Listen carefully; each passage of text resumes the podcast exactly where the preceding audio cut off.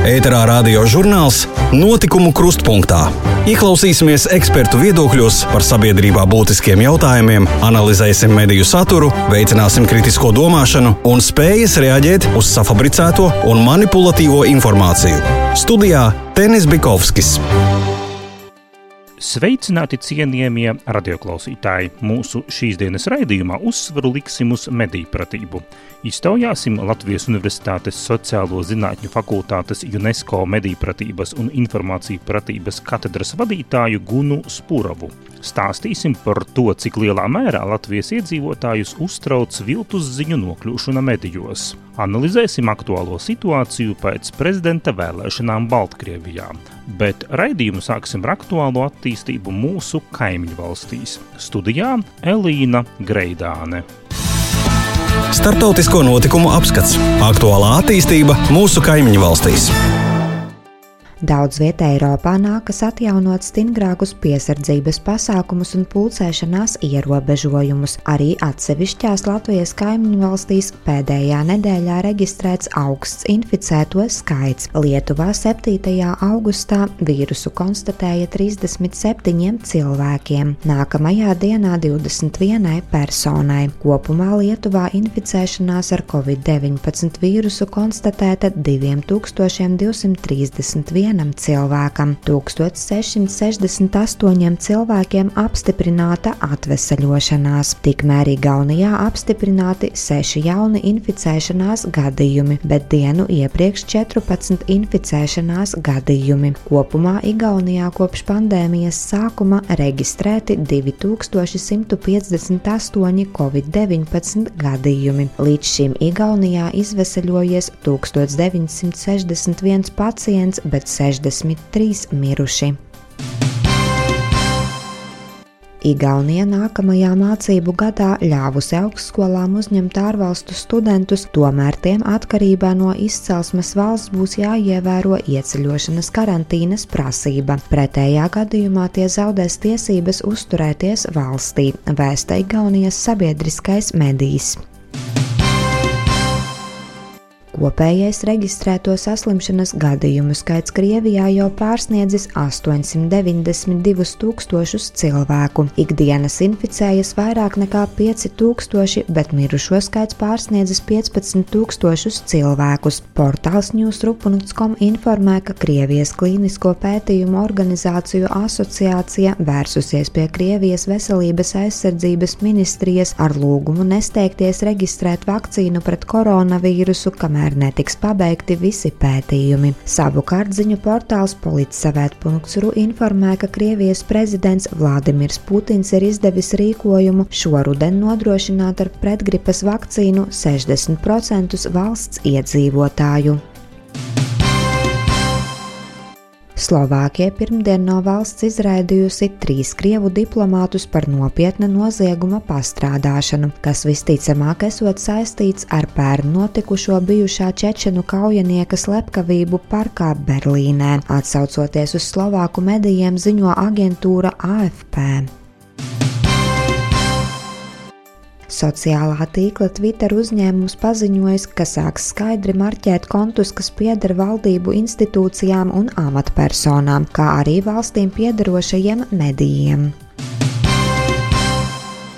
Krievijas izlūkdienas izmanto trīs angļu valodā rakstošus portālus, lai ASV izplatītu dezinformāciju par Covid-19. To aģentūrai AP atklājušas ASV amatpersonas, kuras vēlējās palikt anonīmas. Savukārt Eiropas raidorganizācijas izdevēji un žurnālisti aicinājuši Eiropas komisiju ieviest daudz stingrākus pasākumus cīņā ar dezinformāciju tādās interneta platformās kā Google un Facebook. Lietuva plāno izveidot valsts banku. Kā informē ziņu portāls BNN, jau esošas bankas iegāde ir viena no iespējām, ko apsver valdība. Ēterā radio žurnāls Notikumu krustpunktā. Visas pasaules uzmanība ir piesaistīta situācijai pēc prezidenta vēlēšanām Baltkrievijā, kuras notika 9. augustā. Baltkrievija pašreiz piedzīvo vienu no dramatiskākajiem periodiem savā vēsturē, jo nevienas vēlēšanas valstī nav bijušas tik saspringtas, skandalozas un ar šādām sekām. Par to tad arī izsmeļošāk. Pie mikrofona aicinu Andreju Trokšu. Pašreizējam valsts prezidentam Aleksandram Lukašenko, kurš valsti vada kopš 1994. gada, vienīgo konkurenci sastādīja apvienotās opozīcijas pārstāve Svetlana Tihanovska. Radio Brīvā Eiropa televīzijas kanāls Nastojašķie Vreme informēja, ka vairākos vēlēšanu iecirkņos vēlēšanu komisijas locekļi nav ielaiduši neatkarīgos vēlēšanu novērotājus. Tika izsaukta milicija un vairāki novērotāji tikuši pat aizturēti. Savukārt ārvalstu novērotāju misija, kura sastāvēja no NVS pārstāvjiem, paziņoja, ka nekādi pārkāpumi, kuri liktu apšaubīt vēlēšanu legitimitāti, Baltkrievijā neesot fiksēti. Portāls Finans.ru, televīzijas kanāls Nastojašie Vremja un BBC News informēja, ka Baltkrievijā divas dienas tika traucēti mobilie interneta sakari, bet datori, kuri pieslēgti interneta kabeļiem, nespēja atvērt mājaslapas. Aleksandrs Lukašenko paziņoja, ka internets Baltkrievijā ticis atslēgts ārvalstīs un interneta sakaru traucējumi nesot Baltkrievijas varas iestāžu iniciatīva.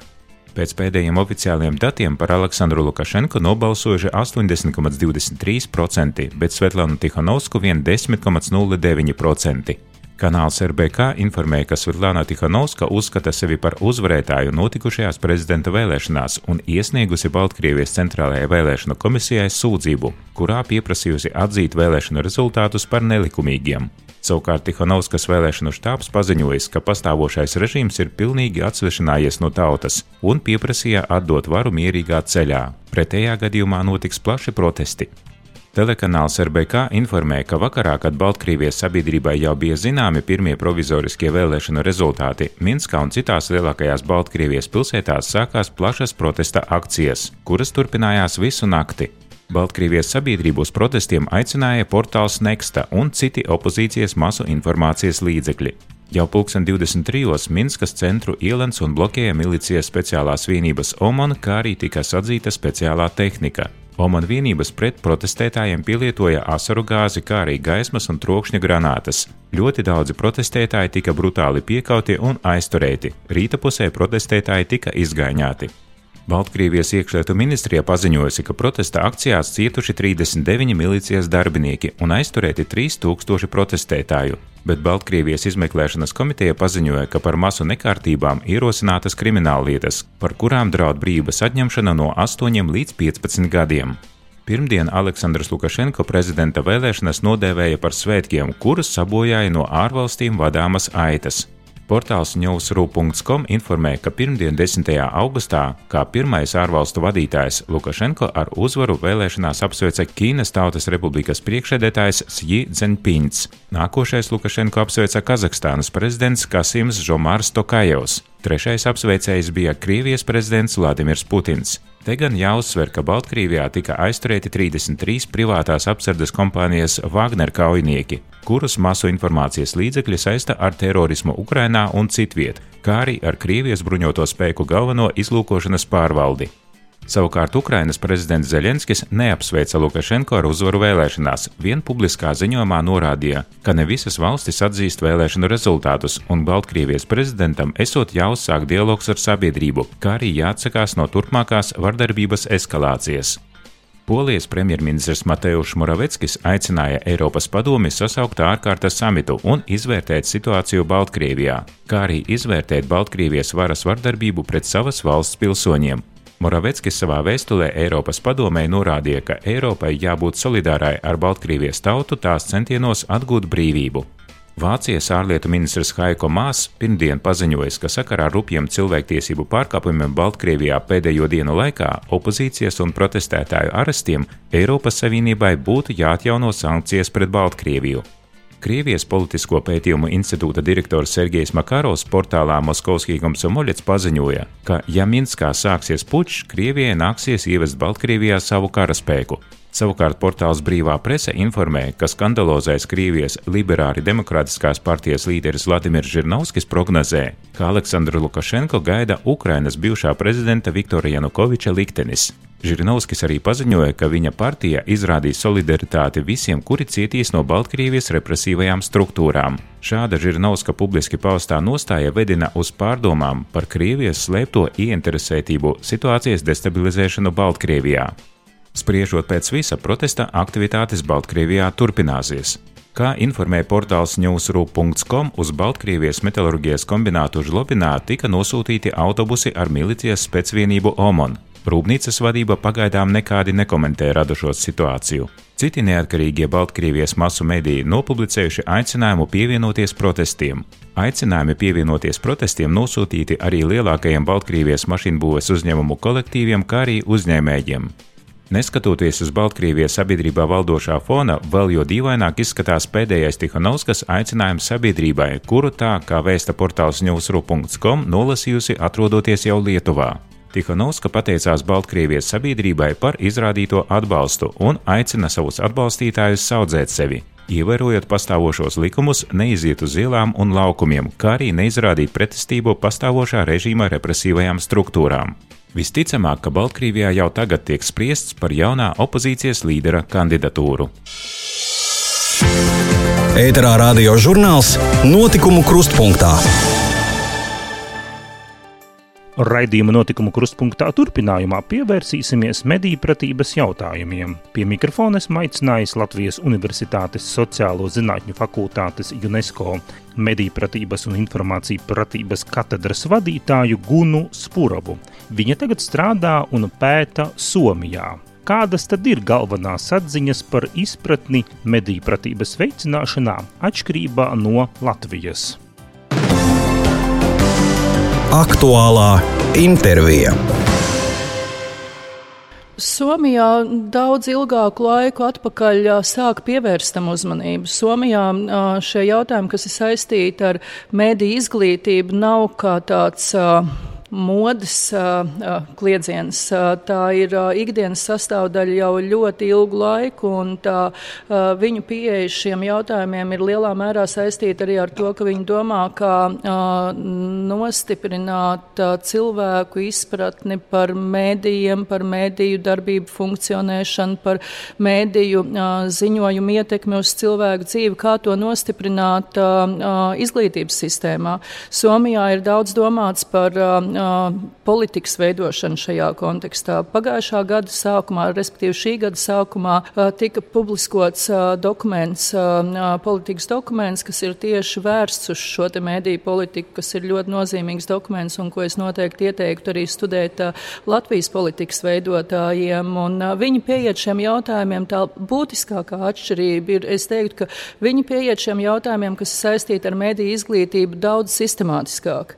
Mums šīs aktivitātes, kas ir saistītas ar mediju pratību, ir vairāk kampaņu veida, projektu veida, nav sistēmas, kā skatīties uz šiem jautājumiem. Somija ir daudz sistemātiskāka savā pieejā. Jūs savulaik veicāt pētījumu par bērnu un pusauģu mediju pratību. Kādas šajā jomā šobrīd ir jaunākās tendences? Kas, kas man liktos pieminēšanas vērts, ir tas, ka um, ir uh, sarežģīti pētīt šo bērnu un jauniešu uh, mēdīju lietošanu, digitālās vidas pētīšanu, jo pētnieki ir cits paudzes pārstāvji. Un tāpēc viena no tādām um, nozīmīgākajām tendencēm, manuprāt, šobrīd ir tas, ka pētnieki meklē un uh, domā par risinājumiem, kādā veidā sadarboties ar jauniešiem, kādā veidā sadarboties ar bērniem pētniecībā sabiedrībā, kā iesaistīt bērnus šajos pētījumos, lai tā izpratne par viņu digitālās vidas lietošana būtu uh, tiešām reāla, nevis uh, radusies mūsu pētnieku uh, izskaitļotās uh, sistēmās, bet, bet būtu tāda, kas nāk no dzīves, respektīvi sadarbība ar, ar, ar bērniem kā potenciāliem pētniekiem. Tas ir viena vien tāda interesanta līnija, kas ir ļoti funkcionāla un ļoti nozīmīga. Runājot par šo mm, par tendencēm šajā Covid pandēmijas kontekstā, kādas jūs saskatāt tendences šobrīd arī varbūt mediju lauciņā tīri šajā Covid laikā? Mums ir jāatcerās, ka vienmēr tajās situācijās, kad cilvēki cilvēkiem ir nedrošība par kaut ko, neskaidrība, uh, riska sajūta. Cilvēki vienmēr meklēs vairāk informāciju. Un skaidrs, ka uh, Covid situācija ir, ir tieši tāda, ka cilvēkiem ir nepieciešama informācija un nepieciešama informācija tādām ļoti, ļoti uh, pamatvajadzībām, faktiski izdzīvošanas vajadzībām. Un tā informatīvā telpa, kāda šobrīd mums katram ir pieejama, tā pirmkārt ir ļoti, ļoti plaša. Un tā specifika šobrīd ir tāda, es domāju, ka tas ir pirmo reizi vispār pasaules vēsturē, kad pie tām izmaiņām, kas ir notikušas informācijas patēriņā, kad mēs vairs neizmantojam to informāciju, kuru ir apkopojis kāds cits redaktors, kāds kādreiz bija laikrakstos, televīzijā, radio, ka redaktori ir tie filtri, kas filtrē mūsu informāciju. Mēs paši esam katrs kļuvuši sev redaktori savam saturam. Un līdz ar to tā mūsu atbildība mūsu pašu priekšā pirmkārt un pēc tam to citu cilvēku priekšā, ar kuriem mēs dalāmies tajā informācijā, ko mēs esam ieguvuši, ir ļoti liela. Un līdz ar to ir tā arī nepieciešamība pēc izpratnes par to, ka tā informācija var būt nepareiza, tā informācija var būt sagrozīta, tā informācija var būt sadrumstalota, un cilvēkiem ir uh, nepieciešams tās zināšanas uh, ne tikai tāpēc, lai pieņemtu kaut kādus ikdienas lēmumus, bet faktiski, lai izdzīvotu. Un, uh, līdz ar to es teiktu, ka uh, individam, kā mēdīju patērētājiem, šobrīd ir tiešām ļoti liels slodzi, un pirmo reizi tā saskarsme ar uh, kaut ko tādu, kas uh, līdz šim nekad nav bijis bijis viņa pieredzē attiecībā uz mēdījiem. Un es vēlētos arī nedaudz pieskarties tiem jautājumiem, kas saistīti tieši ar bērnu mēdīju patēriņiem šajā laikā. Bērniem ir arī ļoti liela interese, un to, un to pētījumi ir pierādījuši tajās situācijās, kad ir šādi kritiski momenti. Bērni grib saprast, kas notiek. Bet, ja mēs paraugamies uz mēdīju saturu, protams, mēdīju saturs lielākoties viss ir radīts pieaugušiem cilvēkiem. Bet bērni patērē šobrīd ļoti daudz informācijas caur sociālajiem tīkliem. Jo viņi tā tad ne, negāja uz skolu, arī tagad nav zināms, vai tiks atsākts mācību gads. Uh, un īsti tad jūs gribat teikt, ka viņiem nav tāda satura? Jā, viņiem nav, nav, nav satura, kas būtu bērniem domāts.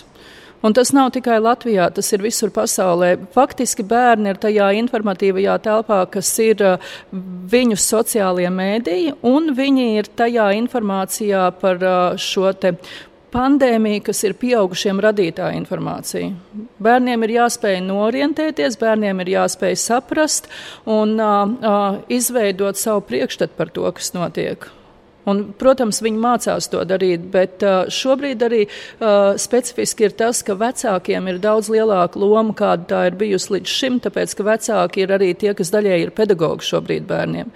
Bet vecākiem prasmju un iemaņu tādu, lai viņi varētu bēr, bērniem mācīt šīs lietas, nav. Tur ir gan, gan daudz riska saistībā ar to.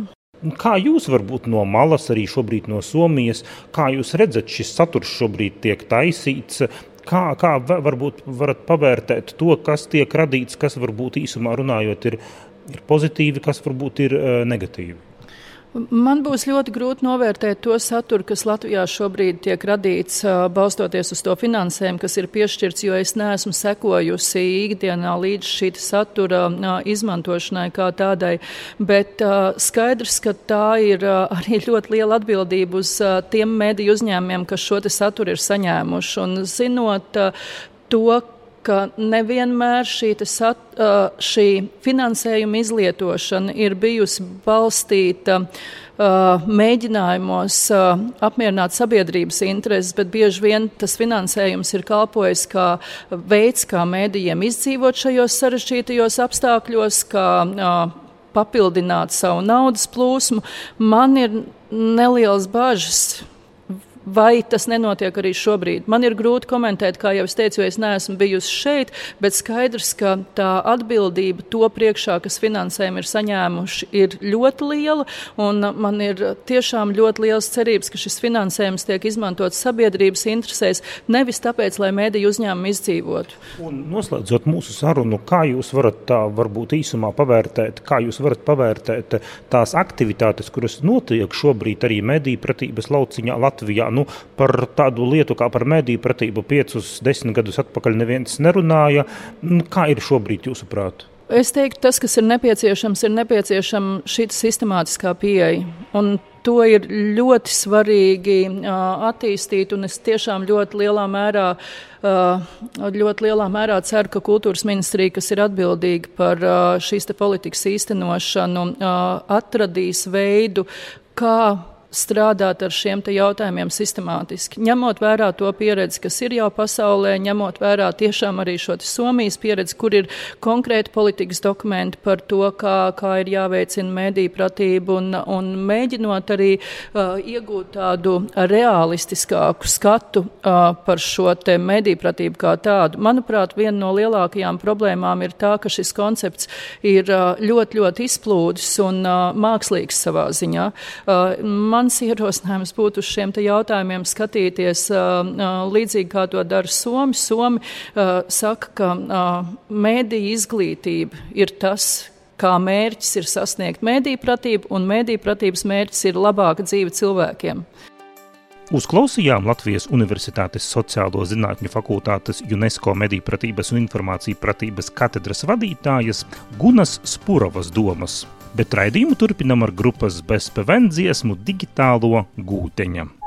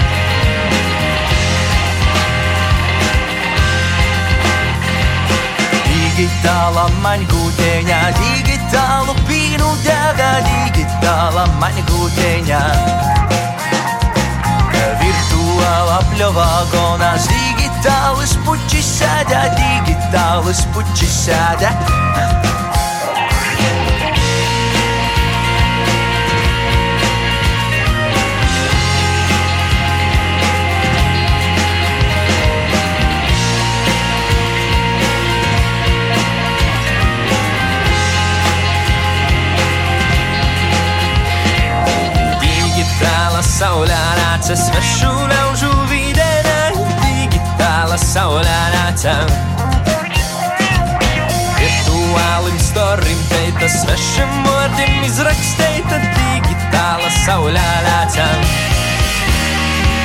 Atver aci bāza pēriš, digitāla mikla reita,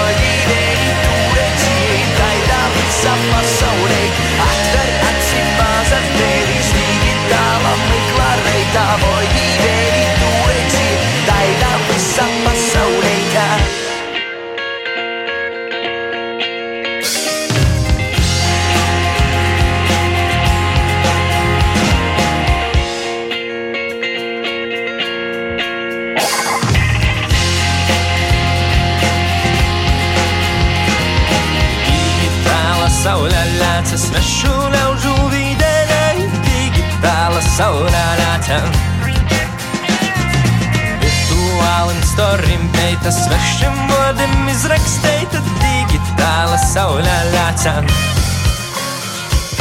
Digitāla maņgūteņa, digitāla pīnu dēdā, digitāla maņgūteņa. Daisi tu pīnu dzert man podā, digitāli nusprot, podā, digitāli nusprot. reitā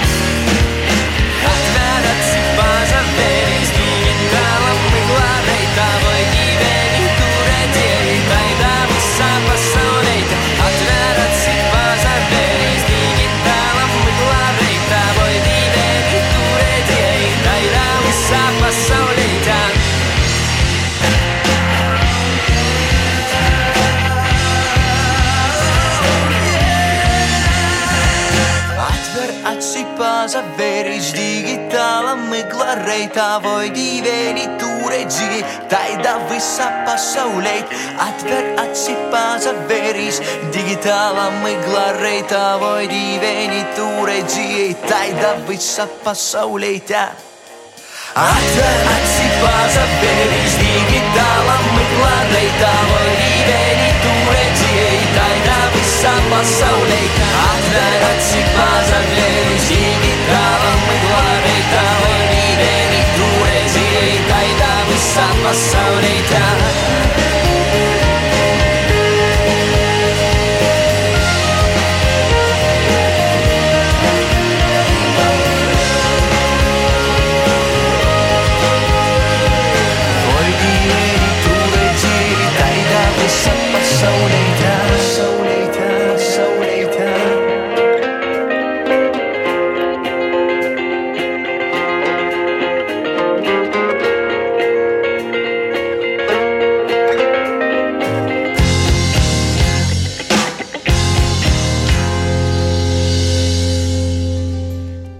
Raidījums notikumu krustpunktā, un studijā esmu es Tenis Bikovskis. Kā zināms, mūsu valstī darbojas kultūras ministrijas izlolotais mediju fonds, kura līdzekļus komerciāliem medijiem piešķir Sabiedrības integrācijas fonds. Fonda padomes rīcībā ir nonākusi informācija, ka krieviski iznākošais laikraksts Siegodņa, gan ziņu portāls bb.lv, kuri pieder Sijā mediju nams vesti, ir publicējuši atklātu dezinformējoša satura informāciju, tā skaitā Covid-19 krīzes kontekstā, kas savukārt ir pretrunā ar programmas atbalsts medijiem Covid-19 krīzes radīto negatīvo seku mazināšanai konkursa nolikumam. Un tagad fonda padome pieņēmusi lēmumu atņemt iepriekš avīzē Sivgodņa un portālam BBLV piešķirto naudu no mediju krīzes atbalstam domātajiem līdzekļiem. Pamatojums - drošības dienestu ziņojumi, kuros teikts, ka šie mediji izplatījuši dezinformāciju.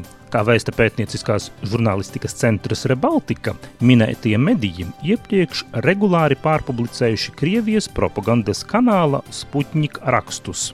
Sijā medija nams vesti avīzes un portāla atbalstam konkursā bija saņēmuši 20 tūkstošus eiro. Ēterā radio žurnāls Notikumu krustpunktā.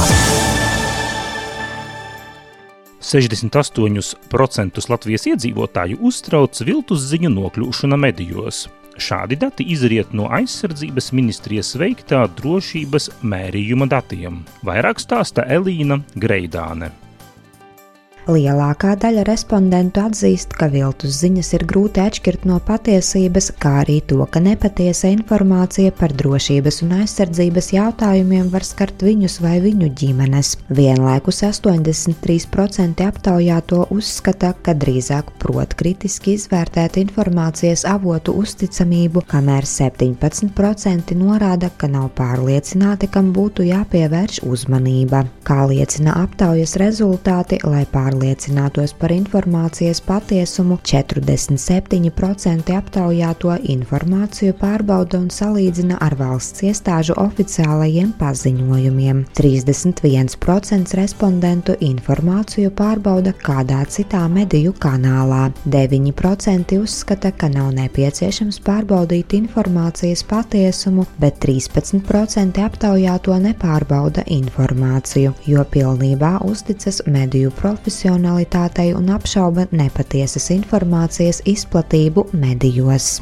Aptauju drošības mērījums aizsardzības ministrija veikusi sadarbībā ar pētījumu aģentūru Norstat. Aptaujā piedalījās 1010 respondenti no visas Latvijas. Iveta Buļķe LV portāls.lv savukārt atsaucas uz Eirobarometra pētījumu, kas veikts 2018. gada nogalē. No tā izriet, ka drukātajiem medijiem Latvijā neusticas 51% iedzīvotāju, interneta medijiem neusticas 46%. Augstāks uzticības līmenis ir radio un televīzijai. Šo attīstību īpaši skarbi izjūtam Latvijā, jo mūsu mediji, kā jau norādīju iepriekšējos materiālos, pārdzīvo dziļu krīzi, sākot no žurnālistu sagatavošanas līdz visu žurnālistu apvienojošas profesionālas organizācijas trūkuma, beidzot ar mediju neprofesionāļu iekļūšanu atbildīgos posteņos mediju vadībā konstatē publiciste Iveta Buļķe. Pēc viņas vārdiem mediju kritika Latvijā vispār netiek piekopta, tāpēc mediju ļaudis darbojas kā nu paši saprot un par labu uzskata, kopā ar tendenci uz politikas un naudas ietekmi medijos, kas ir novedis pie plašu sabiedrības slāņu principiālas neusticības medijiem un žurnālistiem. Raidījums notikumu kruspunktā izskan. Kādā no mūsu nākamajiem raidījumiem padziļināti pievērsīsimies šim jautājumam, jo bez kritikas nav iespējams nodrošināt mediju kvalitāti. Jebkurā nozare ir nepieciešama analīze no malas. Jāpiebilst, ka aktuālās mediju pratības un mediju politikas tēmas, viedokļu raksti un skaidrojumi atrodami LV portāls LV sadaļā Tavai mediju pratībai. Savukārt ar raidījuma notikumu krustpunktā redakciju varat kontaktēties rakstot e-pastu uz info at dkradio.lv. Visu labu mūsu klausītājiem abos Daugavas krastos novēlu es, Tenis Bikovskis. Uz sadzirdēšanos jau nākošu ceturtdienu. Projektu finansē Mediju atbalsta fonds no Latvijas valsts budžeta līdzekļiem. Par raidījumu saturu atbild projekta īstenotājs Divu Krastu Radio.